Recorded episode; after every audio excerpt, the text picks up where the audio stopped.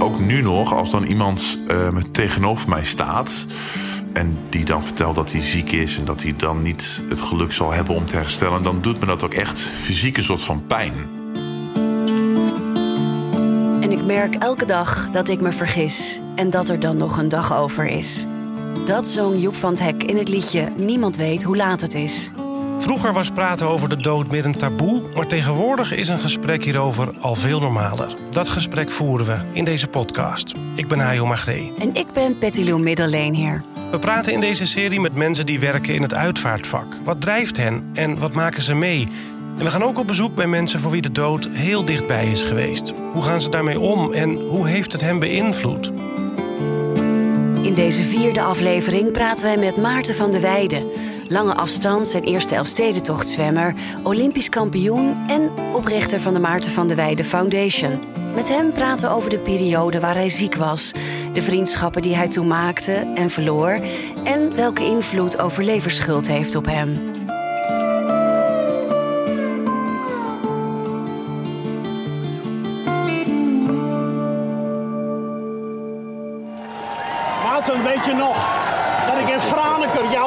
Stempel gaf zonder dat we dat wisten? Maar dit is niet de laatste hoor. Wie in de zomer van 2019 gekluisterd zat aan de NOS-verslagen op radio en tv... of zelf langs de Friese wateren stond te juichen... zag Maarten van de Weijden de Elfstedentocht zwemmen. Bij zijn tweede poging haalde hij wel de finish. Het succes werd alleen maar groter. Reinier Paping, de winnaar van de barretocht van 1963, hing hem persoonlijk zijn kruisje om. Nou Maarten, geweldig wat jij gedaan hebt. Dank u wel. Wat, ik heb de tranen in de ogen van. Wat, bijzonder dat u hier bent. Ja, geweldig. Ik, vind, ik heb er geen woorden voor. Maarten haalde met deze topprestatie ruim 6 miljoen op voor 11 verschillende kankeronderzoeken. De nuchtere man achter deze prestatie heeft een verhaal. We gaan met Maarten even terug naar toen hij 19 was, naar het jaar 2000. Hij was toen al topsporter, maar er ging iets mis. Ja, ik uh, zwom eerst langzamer. Uh, en dat was helemaal niet zo heel veel, maar echt een paar procent. Maar als, als topsporter, ik zwom toen ook al heel veel. Ik had net meegedaan aan de wereldkampioenschappen open water in Hawaii. Had ik dat natuurlijk wel door. Dus ik zwom langzamer, dat frustreerde. Uh, veel gesprekken met mijn coach, wat er aan de hand kon zijn. Trainingen aangepast. Maar uh, ja, ik ging niet meer harder zwemmen. Het bleef een beetje tegenvallen. Ik werd vermoeider. Ik ging meer slapen. Ik moest meer slapen. En het waren nog allemaal symptomen die nou niet heel concreet zijn. Maar toen gingen ook mijn ogen die gingen rood doorlopen. En een lymfeklier onder mijn, uh, onder mijn kin, die werd opeens heel groot. En toen dacht ik wel van, nou, dan, dan is er misschien wel wat serieuzer aan de hand dan een slechte zwemvorm. De oorzaak van Maartens klachten kwam helaas niet meteen bovendrijven. Ik kwam bij uh, mijn huisarts terecht en mijn huisarts die stuurde me eigenlijk eerst een paar keer terug. En die zei van ja, weet je, dat er opeens een klier heel groot is. Dat zien we ook wel vaker. Als je prednison slikt, dan uh, gaat dat misschien vanzelf wel weer weg. Maar het werd eigenlijk steeds erger zonder dat er iets concreets uh, was. Hij had me ook inmiddels wel doorgestuurd naar het ziekenhuis. Maar ook in het ziekenhuis wisten ze het eigenlijk niet. En dat die onzekerheid duurde best wel lang. Totdat ik uh, uh, bij mijn ouders was. Mijn oude huisarts uh, zag. En die zag na een tijdje hoe ik eraan toe was. En die zag van nou, die kunnen we echt niet langer wachten. Ik wil dat je opgenomen wordt in het ziekenhuis. En dan moeten ze daar maar kijken wat er aan de hand is. En toen hebben ze een longfoto gemaakt. En toen zagen ze dat er uh, enorme gezwellen tussen mijn longen zaten. En toen wisten ze dat het wel goed verkeerd was. Toen wisten ze nog niet precies wat. Toen hebben ze, mijn, uh, hebben ze meerdere onderzoeken gedaan. En het gekke was dat als je leukemie hebt, dat dan normaal gesproken uh, dat in het bloedbeeld zichtbaar is. Maar dat was het bij mij niet. Dat was een beetje gek. En die, uh, die klieren, die gezwellen tussen mijn longen, dat waren lymfeklieren die heel groot waren. Uh, en toen hebben ze een beenmergpunctie gedaan. En toen zagen ze dat het ook in mijn beenmerg zat. En toen was, uh, was het duidelijk dat het uh, leukemie was. Leukemie is een verzamelnaam voor verschillende soorten van bloedkanker. Om precies te zijn, kanker van witte bloedcellen. Bij leukemie wordt het groeiproces van witte bloedcellen op een kwaadaardige manier veranderd. Ik kreeg natuurlijk een heel behandelplan te horen. Ik weet ook nog hoe die heet. Dat was HOVON 37. En HOVON is een, is een overkoepelende organisatie... die verschillende hematologische protocollen uh, maakt... Uh, dus dat was, was, was uh, een, een protocol met heel veel chemotherapie. Uh, en zoveel chemotherapie dat mijn beenmerg helemaal stil zou komen te vallen. Dus, dus als je ook kijkt naar, naar kankeronderzoek, dan is er een soort van de barrière hoeveel chemo je kan geven, wordt vaak bepaald aan de hand van of je beenmerg daarna weer terug, terug kan komen en, en weer, weer, weer aan de slag gaat. Want als alle cellen in je beenmerg stuk zijn, dan, dan valt die beenmerg stil en dan zal het niet herstellen. Uh, en door, uh, door de stamceltransplantatie ontdekking hebben ze een soort van trucje gevonden dat, dat die barrière weggaat. En dat je dus nog meer chemotherapie kunt geven. Uh, dat het beenmerg dan helemaal stilvalt en dat ze dan stamcellen nageven en dat die stamcellen zorgen dat het beenmerg weer op gang komt. Dus dat, dat, dat, dat was een enorme hoge dosis chemotherapie. Maar ik ben blij dat die behandeling er uiteraard was. Tegenwoordig zijn behandelingen tegen kanker vaak polyklinisch. Maar dat ging in 2000 nog anders. Ja, ik heb ongeveer een half jaar in het ziekenhuis gelegen. Dat waren vaak periodes van vier à vijf weken. En daarna ging ik dan twee weken weer naar huis toe. Dus ik lag veel in het ziekenhuis. Tegenwoordig is het voor mij wel anders. Tegenwoordig, als je dezelfde diagnose krijgt als ik uh, destijds kreeg, dan zou je veel meer thuis doen. Uh, en in mijn tijd dachten ze nog dat het ziekenhuis een hele veilige omgeving was, waar het veel sterieler was. En tegenwoordig weten ze dat omdat er best wel wat zieke mensen in het ziekenhuis zijn, dat juist het aantal bacteriën in ziekenhuizen groter is. en sturen ze mensen dus veel eerder naar huis. Maar dat was wel de reden waarom ik ongeveer een half jaar in het ziekenhuis lag. Voor Maarten was het niet alleen zijn ziekte die een uitdaging werd. Ja, het was een beetje een gekke periode omdat ik uit huis woonde al. Ik was 19. Ik woonde in Barneveld en ik zwom daar heel veel. Ik heb een jeugd gehad wat heel erg ging over prestatiedrang, om hard kunnen zwemmen, om hoge cijfers op school halen. Ik was zelfstandig gaan wonen toen ik 17 was. Was ik ook echt wel aan toe. Uh, waren mijn ouders ook wel aan toe. En ik had gewoon die vrijheid. En ik vond het heel fijn. En ik, ik zwom uh, daarmee heel veel. Alleen toen moest ik twee jaar later opeens weer een soort van thuis gaan wonen. Omdat ik, omdat ik niet meer uh, zelfstandig kon wonen. En dat was best wel lastig. Want nou, als je iets als, uh, als, als puberende uh, 19-jarige niet wilt, is weer afhankelijk van je ouders worden. Dus dat was best wel, wel zwaar. En dat was niet altijd even prettig. En een van de dingen die je vaak hoort is van ja, maar je bent wel heel ziek en dat is wel heel naar. Maar je omgeving, die zorgt natuurlijk wel heel goed voor je. Die maakt het natuurlijk zo heel veel fijner. En mijn ouders, die waren daar voor me. En het, klopt dat ik, dat ik uh, hun hulp nodig had. Maar ja, dat ging zeker niet in een soort van harmonieus, sprookjesachtig geheel. Uh, en, en feit is ook dat. Ja, weet je, het is natuurlijk wel een, periode van uh, bijna traumatisch.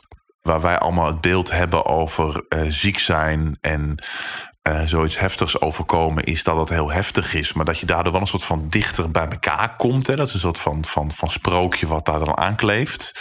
Is de realiteit dat daar uh, uh, nergens meer echtscheidingen plaatsvinden dan tijdens traumatische gebeurtenissen. Bijvoorbeeld tijdens traumatische gebeurtenissen door, door een ernstige ziekbed. Dus daar ontstaat juist een heleboel conflict. En dat is denk ik helemaal niet verkeerd. Ik ben nooit echt op zoek naar wat, wat die periode mij gebracht heeft. Dat het gewoon een vreselijke periode was waarbij ik heel veel pijn had, waarbij ik een heleboel leed zag. En ik snap wel dat, dat mensen het fijn vinden als ik kan vertellen dat het me ook iets gebracht heeft. En dat dat de wereld dan weer ietsje eerlijker maakt. Uh, maar misschien is dat het juist wel niet. Misschien heb ik wel gewoon een klote tijd gehad. Was het heel pijnlijk? Heb ik veel leed gezien? En was het gewoon kut? En, mag het ook kut zijn of zo?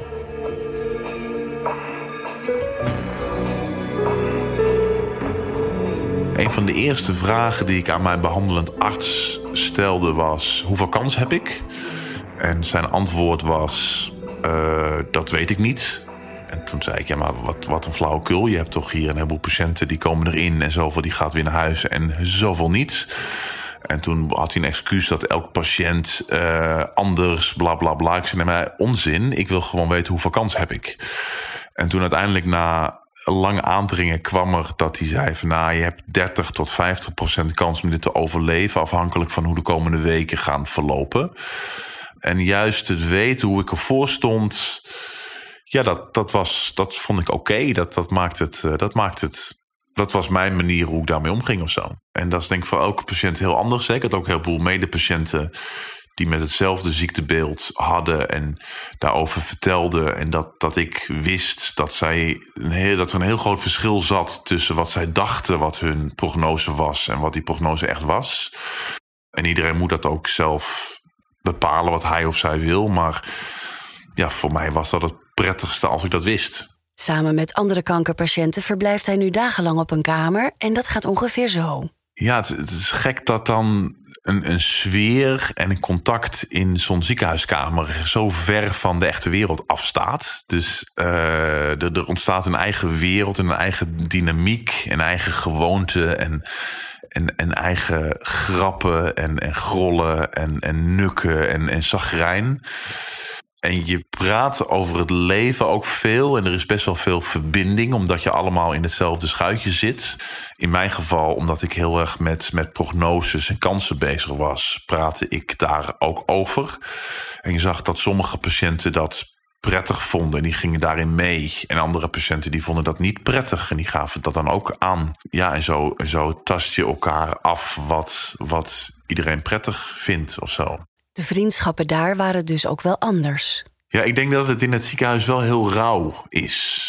Er, er, is, er, is, er is geen schaamte, er is geen verborgen agenda. Er is, ja, weet je, het, is hoe het is. Uh, het is. Het is heel gelijk ook. Ik, ik lag met uh, Rob, die lag naast me, die bakker was. Uh, Bob, die vloog als piloot de, de wereld rond. Ik was, ik was zwemmer die opeens ziek was.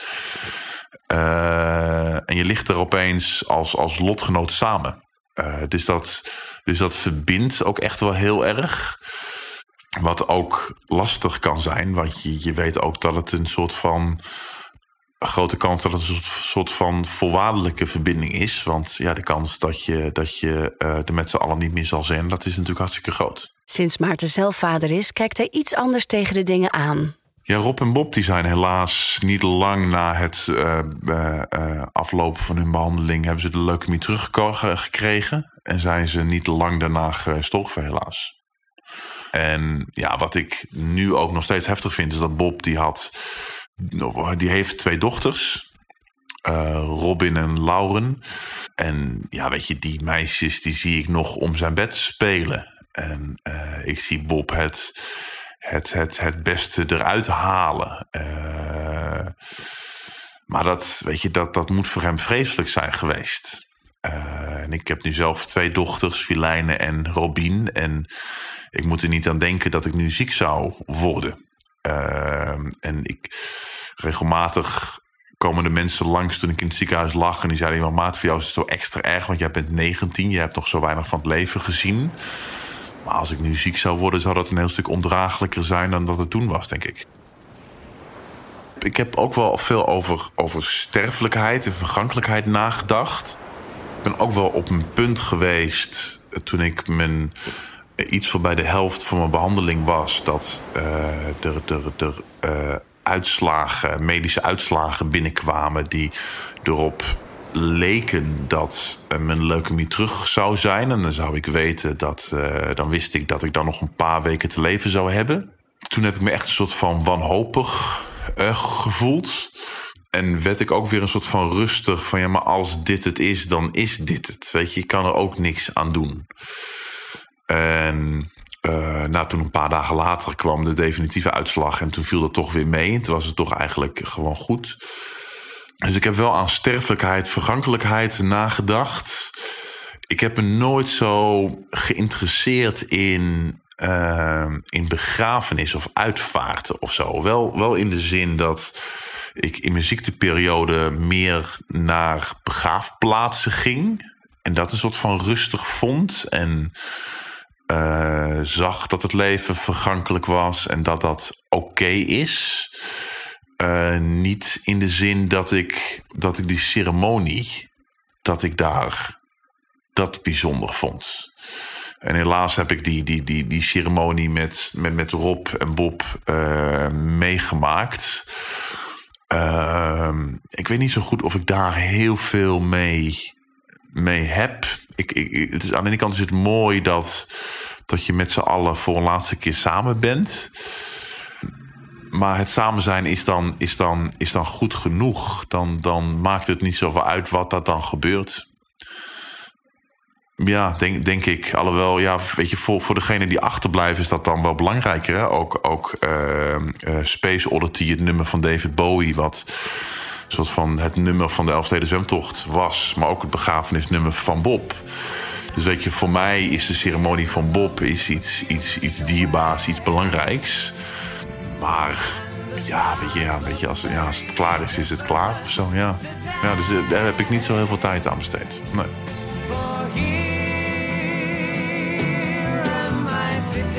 in.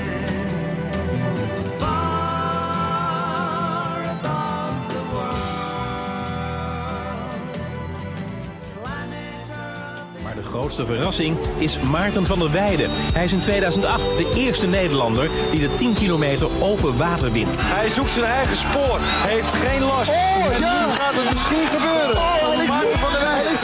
Van der Weijden. Maarten van der Weijden wordt Olympisch kampioen op de 10 kilometer. Hier komt de Olympische. Internationale journalisten die legden heel duidelijk de link met goh, maar eh, de soort van de Lens Armstrong ben je dat je kanker overwonnen hebt en dat je daar een Olympisch goud won. Maar dat klopt volgens Maarten niet. Dat voelde zo verkeerd. Was de meest luie patiënt die jullie je kunnen voorstellen. En in het ziekenhuis lag ik met patiënten in de kamer die er wel alles aan deden. En die dat fitnesscircuitje opzetten. En Bob en Rob. Uh, en juist zij hebben het niet gehaald. Dus weet je, het is niet dat ik iets overwonnen heb. Ik heb, ik heb gewoon geluk gehad. En dat betekent ook dat patiënten die het niet halen, die niet herstellen, die hebben niet verloren. Ja, die hebben de pech gehad dat er nog geen behandeling is die voor hen werkte. Ja, ik vind dat wel belangrijk. Want als je als je kanker hebt en er is geen behandeling en die werkt dan niet en dan, en dan sterf je. Ja, als je dan ook nog een soort van, van, van schuld meedraagt, omdat anderen denken dat je iets verkeerd gedaan zou hebben, dat je verloren hebt. Ja, dat, dat lijkt me heel vreselijk. Na de Olympische Spelen kreeg Maarten veel aandacht, maar hij kreeg ook nieuwe inzichten ook nu nog, als dan iemand uh, tegenover mij staat. en die dan vertelt dat hij ziek is. en dat hij dan niet het geluk zal hebben om te herstellen. dan doet me dat ook echt fysiek een soort van pijn. En ik heb lang nagedacht over waar die pijn vandaan komt. En uh, ik, zag, ik zag een Netflix-documentaire uh, een paar jaar terug. En dat was met, met, met, met, met twee vrienden die de bergen opgingen. En, en, en er een lawine langs kwam en die meegesleurd werden. En die, die, die jongen die het overleefde, die noemde dat overleverschuld. En toen ik het hoorde, dacht ik, ja, maar dat, dat is wat ik eigenlijk ook heb. Want ik lag er in het ziekenhuis en ik had het geluk. Maar Bob en Rob lagen er ook, die hadden dat geluk niet. En waarom ik dan wel en zij niet? En dat, dat, dat voelt niet eerlijk. En dat was ook de, de drijfveer uiteindelijk om te zeggen... ik ga de Elfstedentocht zwemmen... om voor kankeronderzoekers zoveel mogelijk geld bij elkaar te verzamelen. En sinds het ontstaan van de Maarten van der Weijden Foundation... is bijna 12 miljoen euro opgehaald. Wat natuurlijk enorm veel geld is... wat ook een soort van verplichting geeft... van hoe zorgen wij nou, hoe zorg ik er nou voor... dat, die, dat al dat geld op een zo goed mogelijke manier besteed wordt. En daarvoor werkt de foundation samen met KWF, Kika en Roparun. Iedereen die wil bijdragen mag meebepalen welk onderzoek het meeste geld krijgt. Is het het belangrijkste dat de kans op herstel groter wordt? Is het het belangrijkste dat je langer kunt leven met? Is het het belangrijkste dat de bijwerkingen kleiner worden? Uh, is het belangrijker dat uh, borstkankeroverlevingskans stijgt? Of is, is, is dat voor leukemie het belangrijkste? Of is dat voor kinderkanker het belangrijkste? Er zijn zoveel verschillende facetten waar je iets aan kunt doen. Uh, waarvan ik zeg, ja, maar ik weet ook niet waar het uh, het meest belangrijke is. Ik vind ook niet dat ik die keuze mag maken. Dus wat we eigenlijk zeggen is, we hebben heel, een heel palet die, die loopt van kans op herstel vergroten en kwaliteit van leven, maar ook, ook palliatieve zorg. En degene die in actie komt, die mag zelf bepalen waarom hij dat doet. En als iemand geraakt is door iemand die boskanker heeft gehad en zegt, nou daar wil ik me voor inzetten, is dat fantastisch. Als iemand, uh, uh, iemand in zijn nabijheid had die in de palliatieve zorg terecht is gekomen, dat hij het geluk om te herstellen niet had.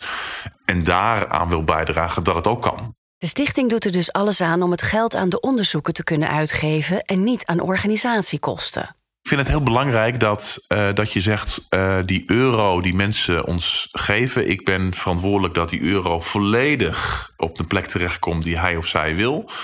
Uh, en ik denk dat dat heel belangrijk is. Ik denk dat, ik denk dat transparantie heel belangrijk is. En, en het is voor ons mogelijk om, om, om het op deze manier te doen, omdat en onze kosten extreem laag zijn.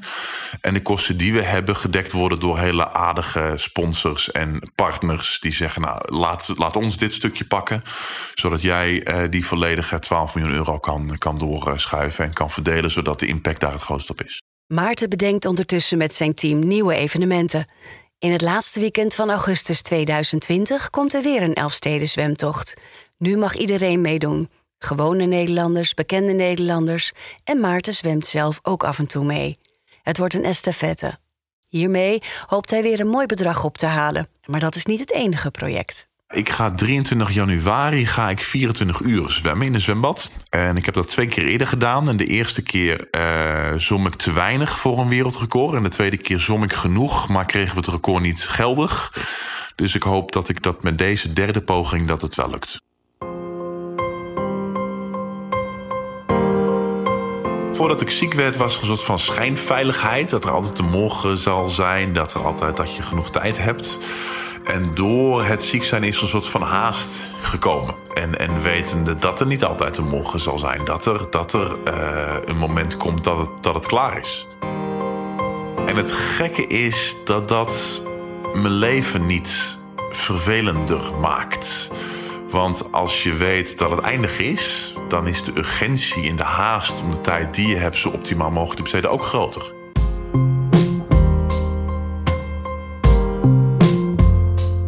Geeft ook een soort van, van daadkracht en een soort van zingeving. En, en dat vind ik eigenlijk wel, wel prettig. En als je dan iets wilt, ja, dan moet het wel nu. Want je, je weet niet of, het, of je over een jaar nog een keer een kans krijgt. Maar ik denk, terug, terugberedenerend, als je op, je op je sterftebed ligt en terugkijkt. Ja, dan, dan, dan was het toch jouw leven. Uh, en dan moet je vooral de dingen doen die jij wilt, denk ik.